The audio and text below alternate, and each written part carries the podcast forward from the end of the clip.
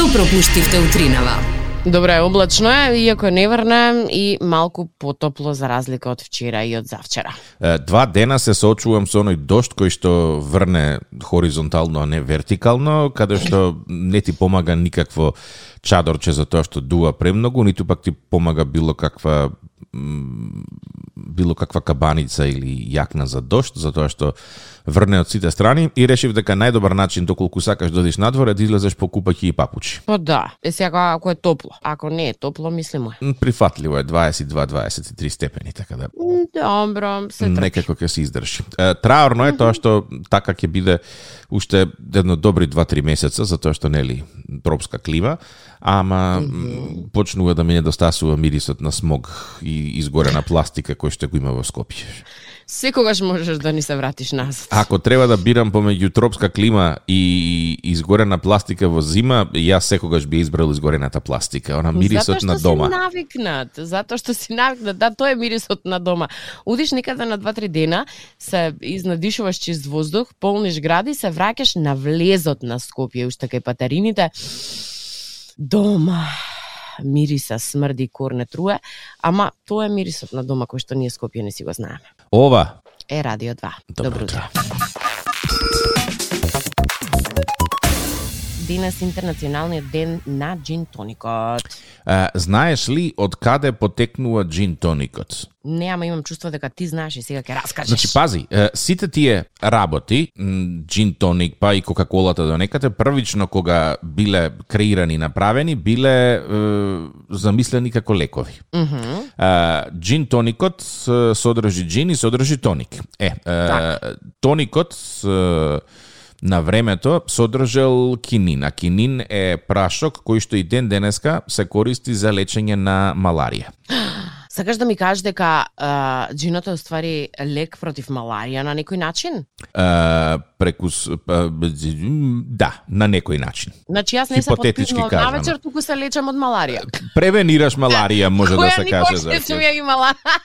Не, не Добро. Боже да ја закачиш, ама да, ете, кога е, Зорка Нема ни навечер... да ја закачам, гледате, се, се е, штитам ја, се чувам. На, навечер Зорка превенира маларија. Добро е. Така и е. м, маларија ќе добиеш само ако налеташ на некој од оние комарците кои што пренесуваат маларија или ако не дај Боже отидеш во Индија, хипотетички кажано. Не, ни тоа, ни тоа нема. Ама интересно е како овие работи еволуираат, нели првично се смислени, замислени да бидат лека, потоа налетуваат на толку широка употреба и сите викаат леле леле леле, па ги комерцијализираат, ја тргаат лековитата компонента и ти останува само она за за широка конзумација, како освежителен пијалок. Да, многу Што интересна правиш? работа, е. Еве, а, таму дај раствори 10 амоксиклавчиња у чаша вода, освежителен пијалок, мислам те. За тебе, дечко, за мене амоциклав тоник. Може. може. Два за мене. И девојчето сака, ама она не сака со тоник, она сакала, не знам, со нешто друго.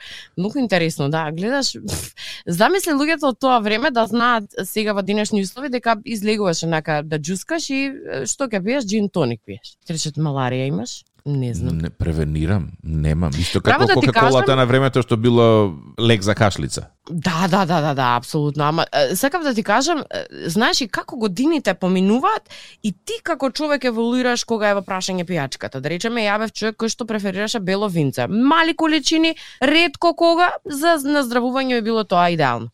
И сега почна ми станува тешко и од тие мали количини на бело винце, не знам, не можам да функционирам следниот ден. И сега следна пијачка која што е исто така слаба и, и секогаш потенцирам послабо нека, да не речам со повеќе сокче, со многу малку алкохол, ти е джин тоник. Па следно сега не знам што ќе биде како ќе дојдат годините и чекам кога ќе дојде моментот да се префрлам на црвено вино, тогаш значи веќе сум зрела. Не, црвено вино. Тоа може и никогаш во животот да не го пропиеш, меѓутоа најбитен најбитен момент ќе ти биде кога увиниот чај ќе стане твое твој приоритетен напиток. Тоа знаеш дека си го достигнала зенитот во, Врвот. во животот. Да, и дека од тој момент па натаму секи оди во, во надолна линија. За сега се задржуваме на джин тоникот, интернационалниот ден на джин тоник. Ако денес ти требаше причина зошто во четврток да се поднапиеш од овој лековит раствор, еве ти причина зошто тоа да го направиш. Добро утро. Се ближи време за појадок, јас размислувам во насока каде би можело да се јаде денеска зорке. У, а што би јадел, тоа е прво прашање. Па, Што би ти се јадело? на, на буџет сум, така да нешто што не е претерано скапо и нешто што е прифатливо, онака, финансиски. Можам да ти понудам, а знам дека сигурно сакаш омлет со пилешка шунка. Цена? 80 денари. Каде?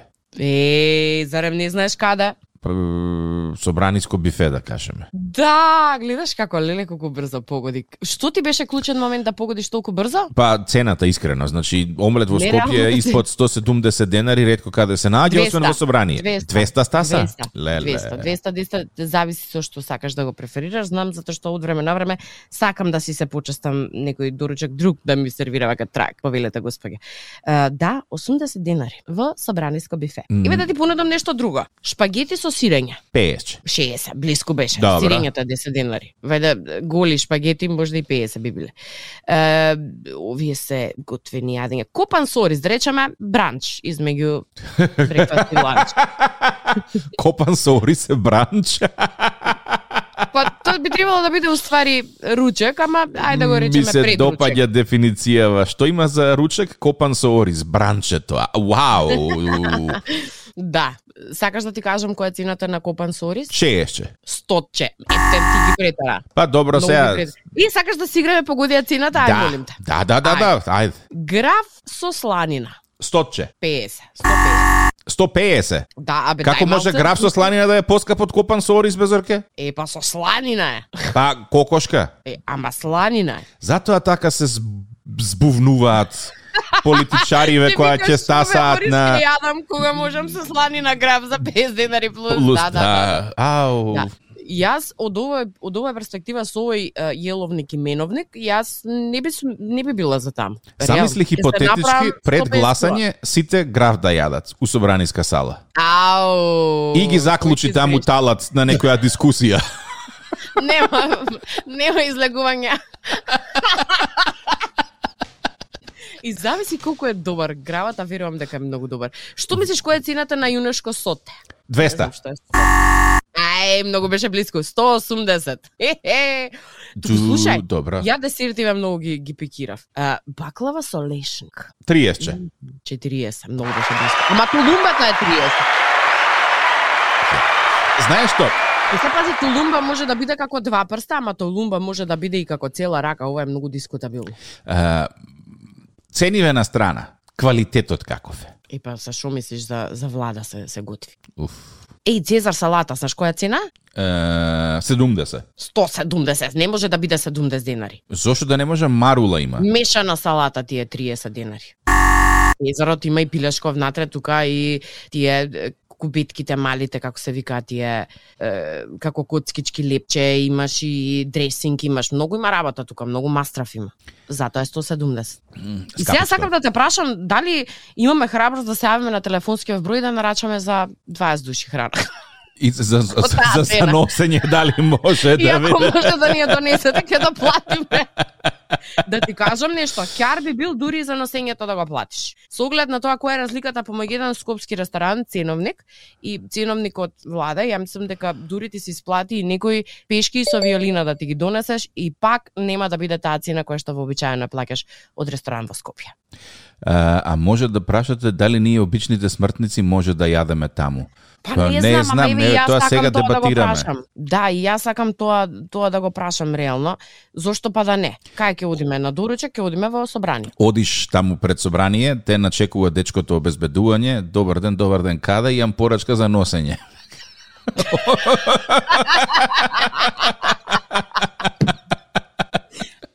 Телефонски што се јавиш на име тоа и тоа. Јас сум Морам фацата би сакала само да ја видам во тој момент. А би сакала да видам за каков квалитет станува збор, ама имајќи предвид дека добро се држат нашите политичари, верувам дека е пријатно за конзумирање. Чиз бифтек се наоѓа на менито? У, сега ќе ти кажам, мислам дека да, мислам дека да, ама дај ми само време да видам. Рамстек, вешалица со свинско каре, сланина на скара, суџук. Не, виршли имаш. Најблиско да вешалица. не, не, не, не, не, не, Да. виршли, мислам. Не. Зошто некој би јадел виршли во О, па не собрание. знаеш. А, па, па сигурно се добри. Уствари што викаш, има, има народни избраници кои што се растени да. на виршли, така да може би и не е тоа онака да ги... Ја, на пример, Вишло еве, со златно вариво. Како е во златно вариво? Не, ама златно вариво е пчен, она, пченка, граш, морк, пченка, грашок.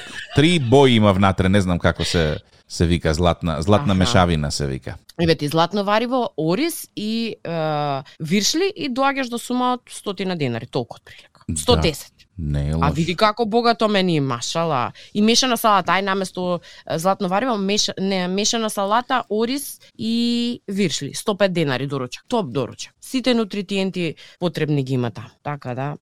Еве да размислиме, замисли сега еве ти топ идеја да речеме да се отвори некој нов ресторан со овие цени и да се вика собрание. Дали би преживеело?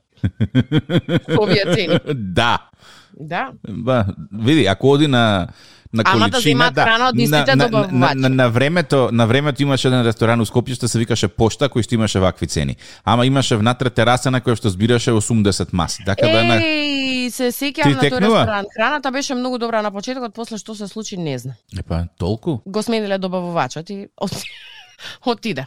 Добро, направивме мени како ќе утринава појадуваме и кои се цените, а ако имате идеја каде други цени, тоест вакви цени на друго место се наоѓаат, слободно пишете ни, ама важно е истиот добавувач да ги носи истите состојки и исто да изгледа како тоа што изгледа таму. Добро утро. Добро утро.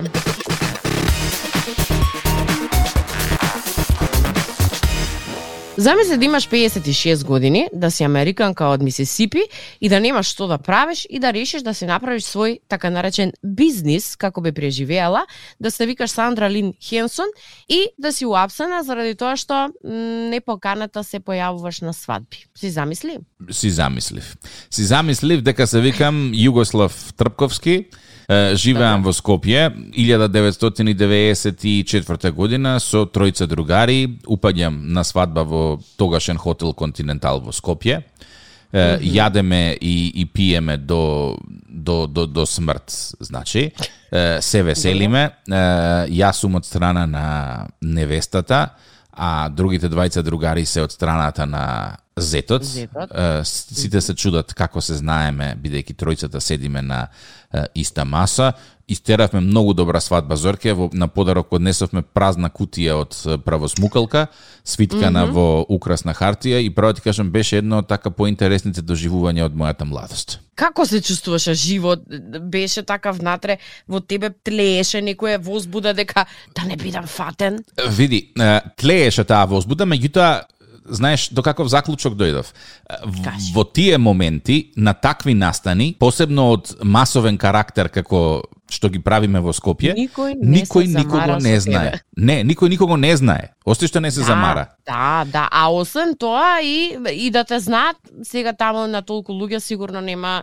Ке рече да, е сигурно некој братучет што не сме се запознали или што сме се виделе како е, деца. е, е, е, е, токму тоа. Некој кажуваше, ама не можам да се сетам кој. И Исто знаеш на она, свадба. исто така многу е битно прв да го поставиш прашањето, а од чија страна сте вие? И ако кажат од кај невестата, ти одма викаш јас сум од кај зетот. И апсолутно немате Аха. Допирна точка, ниту пак Аха, значи- можност да се да се знаете едни со други. Тоа е првиот момент ти да прашаш, ти да нападнеш, да речеш вие од кај сте, од чија страна сте и ако речат вака, готово ти си од другата страна и решен проблем. Да. А секој постои можност да кажеш и колега. Кој знае чиви колеги се? Многу знае со кого соработуваат младоженецот и невестата. Викаш колега и ти раш, е, зафркнато е ако не работат ни младоженецот и невестата или ако работат во семена фирма.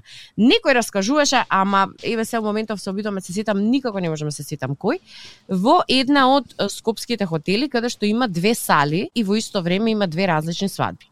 Луѓе поканети уредно додат на едната свадба, си направиле поклон, си донеле се, си седнале. Малку чудно се гледале со луѓето на маса со кои што не се познаваат, ама добро вика се, подалечни роднини сме, не мора да бидеме со истите роднини. Гледам луѓе ту, викам или ги заборев луѓе, или еве не можам да се сетам како се вика, вие од кај сте, од кај невестата едно друго, се веат ори, на крајот вика сваќам дека јас за во другата сала сум бил. Од како свадбата практично и призаврши. Епа сега Па добро. си се преместивме, вика, во другата сала, си ја дотеравме свадбата, ама убаво е човек да оди на разно разни свадби. Последната ситуација моја со свадби беше сега скоро, правевме свадба на близок наш роднина. И право да ти кажам, а, не ми беше добро во делот на црквата, морав да излезам надвор, беше многу жешко, мирисаше е, на темја многу јако, немаше ниту клима, ниту ништо. И реков ајде ќе излезам малку надвор да си дојдам при себе, барем дел од церемонијата, па потоа повторно ќе влезам натре. И додека седам јас надвор на клупата сама, доаѓа следната невеста. Ми изгушкаа, ме избација, некои луѓе, нека ни е жива и здрава, А ти порасна. се чудиш кои се, што се, зошто се чудам, ама не, дефинитивно дека нема да им го расипам моментот, нели? Ама, е, сакам да ти кажам, убава е, весела е. Нека ни е, викам, жива и здрава, леле што е убава невеста. Што ќе каже таков момент? Чекајте, луѓе, не сум од ваша страна? Па, Не, па види, или, го или, да, да, да, ја мислам дека е најдобро да го тераш филмот, а после тоа ќе се заборави. поканен, после од кога се објаснивме дека не сум ја од нивната свадба, туку дека сум од, нек, од кај страната на невестата и што се во моментот во црква, да дојдеш ако сакаш да викам фала, веќе сум на свадба, ама фала на поканата. Така да сакам да ти кажам, луѓето се многу весели кога е свадба во прашање и не дека многу забележуваат такви моменти. Инаку да се вратиме на Сандра Лин Хенсон. Е, Е, Само да ти кажам, Стаса една порака вели кај нас е, во Скопје има екипа што ба, е, што бара е, вакви бесплатни настани и се отепуваат од јадење и пиење нон-стоп. Има дури и документарец за Супер. нив направено. У, баш би сакала да го видам тој документарец, ве молам пратете, пратете ми го во порака, тоа е нешто што најверојатно ќе сакам да го погледнам. Инаку Сандра Лин Хенсон, женава со години си доаѓала на свадби, ама отишла next level, не одела само да јаде да пие и да се весели. Туку, додека сите се веселеле, си правела скриено фото по нивните торби. А, си се частела нешто И од по страна. поклоните, да, ги пренесувала као поклоните од едно друго место и по два-три фш, во кола. И после си одел. Не, па, а Ирлија нека и е на... Зошто бе луѓе барате преку леп погача? Се некој ве нагостил, ве напил, ви дал можност да си изиграте на журката, се и поклони ќе им крадам. Не знам. Види тоа кај нас тука така не може да биде. То бавезно стои некоја баба што ги чува поклоните. Или поклоните се во некоја соба специјална за поклони со клуч. А, не, јас на свадбите кај што сум бил, поклоните се тука на Ачик и младоженците се сликаат со сите што ќе А, јас дојдат сум била заедно на со поклонот. свадба, јас сум била и на свадба кај што се кажуваше кој што дал. Знаеш ли зошто свадба има. има? Да, знаеш ли зошто се сликаат со поклонот, лицата што ги носат? Кога ќе видиш кој што донал. Е, та си ми жива и здрава, Сорки. Си научила нешто. Добро утро, поздрав до сите кои што утренава некако решија да ни одадат малку почет и внимание. Многу видеа се прати од тоа како не уживате, каде не уживате, каде се возите и не слушате и многу ми е драго што е тоа така. Исто така би сакала да упатам поздрав за девојчињата од Козле од стационарот. Знаат зошто ги поздравувам, затоа што многу не сакаат, многу не слушаат и биле екстра екстра љубезни. Ем, одиме низ деновите со би рекла неверојатна брзина. Уште само е, 75 дена до нова година. Е, сега ќе проверам дали се 75, мислам дека се малце помалку. М, сега ќе ти кажам. 73 денови до крајот. Е, добро, јас се 2 плюс сум додал. 74. Да, да. А е, знаеш што е многу интересно? Почна да се декорира? Не, ама излагуваат и како видеа на тема а, нова година и новогодишни базари и мојата желба е навистина многу голема да посетам некој новогодишен базар, базар. Меѓутоа и джепчето да ми е полно, да не биде само за проше да се вратим. Тие две работи, Зорчице, не одат заедно во пакет, да е, знаеш. тоа е многу интересна работа. Секој пат кога одам, да речеме, на пазар или на базар или на распродажба или на било, секогаш ти фали уште малку повеќе пари да имаш во себе за да можеш да го докупиш. Е тоа на крајот што го виде. А на почетокот не ни го размислуваш. Инаку на тема денови, ни остануваат уште 124 дена до следното лето. О, па еве го кај, на ќо, за, за, за го само, наскоро ќе дојде. Да. Кај да тука е. Меѓутоа, кога тргнев да ти раскажувам на тема денови, уште колку денови, уште колку денови, сакав да го поставам главното прашање, уште колку дена има до првата слава? Овие сега што ќе дојдат. Добро, уште колку?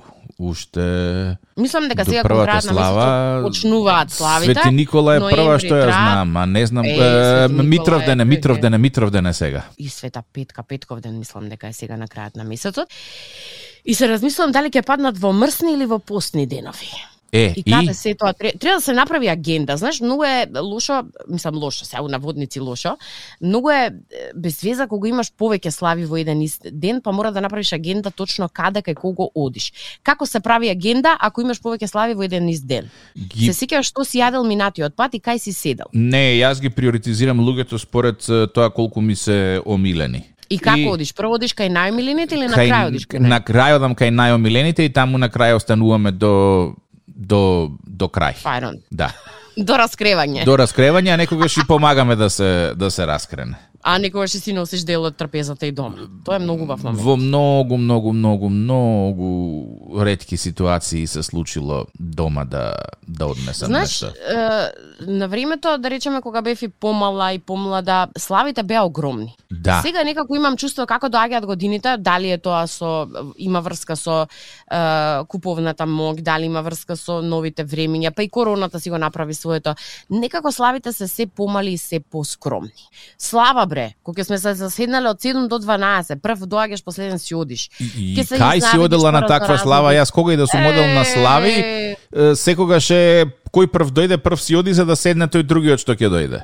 Да, има една мистерија, на пример, многу често имаме роднини од тетови, многу често знаеме и таму да одиме, кај нив седнуваш 10 минути 15 нешто е, колку чисто да каснеш, да оддадеш почешти и после тоа си одиш. Ми е тоа многу чудно, мен сум седнала, сум се пресрамила да земам, треба да си одам. Да. А то све издекорирано убаво, то се е направено со љубов, со внимание, домашно се. Таман ќе се пресрамиш, пошто тебе ти треба 10 минути да се пресрамиш за да подадеш рака. Чекаш друг да подаде рака, па ти да подадеш рака. И таман ќе се пресрамиш, треба да си одиш. Ме, Чекајте, што другари, е не тука? играме така. Што е тука? И па се следнава слава исто, ќе одиш и на друго место, така во истиот ден. Таман да се пресрамиш, треба да си одиш. И ти одиш гладен, си доаѓаш дома гладен. Ама, А ова стои на маса. Епа, како, глад, гладна ќе принцип одиш на слава? Е како па најадена се одели на слава? Ти во шума под дрва со дрво под мишка одиш или со секира? Со со секира. секира се разбира, со па исто така. секира, Со Како ти секира. пријатен ќе одиш на, на слава, ти треба да одиш најнеаден неколку дена за да одиш на слава, да одеш почиш на домакините. Пази, многу е срамотно да, да одиш некаде и да не земеш ништо. Домакините се викаат, види овој, не му се допаѓа тоа што е на маса стајано. А при А тоа ти ти викаат само ајде, ајде, ајде, ајде, земите, не се срамете, земете, не се Да, срамете. на првото земи и така и така ти е срам, на второто и третото земи ако ти рече, значи стварно не зимаш. Тука не знам, јас баш не сум некој што што не што не зима. Секогаш сум секогаш Јас сум сум од тие што им треба време да се пресрамат и тие слави во Тито и те како многу ме погодуваат е, во смисла на таман се пресрамив треба да си одам. Колку време ти треба да се пресрамиш? Ич, пошто бидејќи кај сите луѓе, нема? кај сите луѓе кои што одам, е, ми се блиски и ги чувствувам за многу многу блиски и слободно Не, ама- се однесувам пред нив. Општо сега те прашувам, колку време во принцип ти треба да се пресрамиш за било што? Па не многу, ми се чини. Значи ти си во подобра, во поза незаветна ситуација од мене. Јас на пример во ситуациите знам дека ми треба многу време и ми треба некој да го скрши мразот пред мене за јас да почнам да земам. Да, не е тоа страшно толку. Се преживува. Се преживува. Да. А, Ке се научиш лапни со текот на годините. Да, да, тоа е тоа Лапни сега голтни. што. Нема бегање од посно тоа. гравче, па и мрсно гравче. Леле сармички. Леле, леле, што има друго? Леле, леле. Ордеверчиња. Леле, леле, тоа пржено, печено, месено, пра... Ау! Кај отворивме темава? Утрина. Добро утро. Добро утро. На Радио 2, секој работен ден од 7.30. Будење со Тик-так и Зорка. Во случај на неконтролирано смеење и симптоми на позитивно расположение, консултирайте се со вашиот лекар или фармацевт.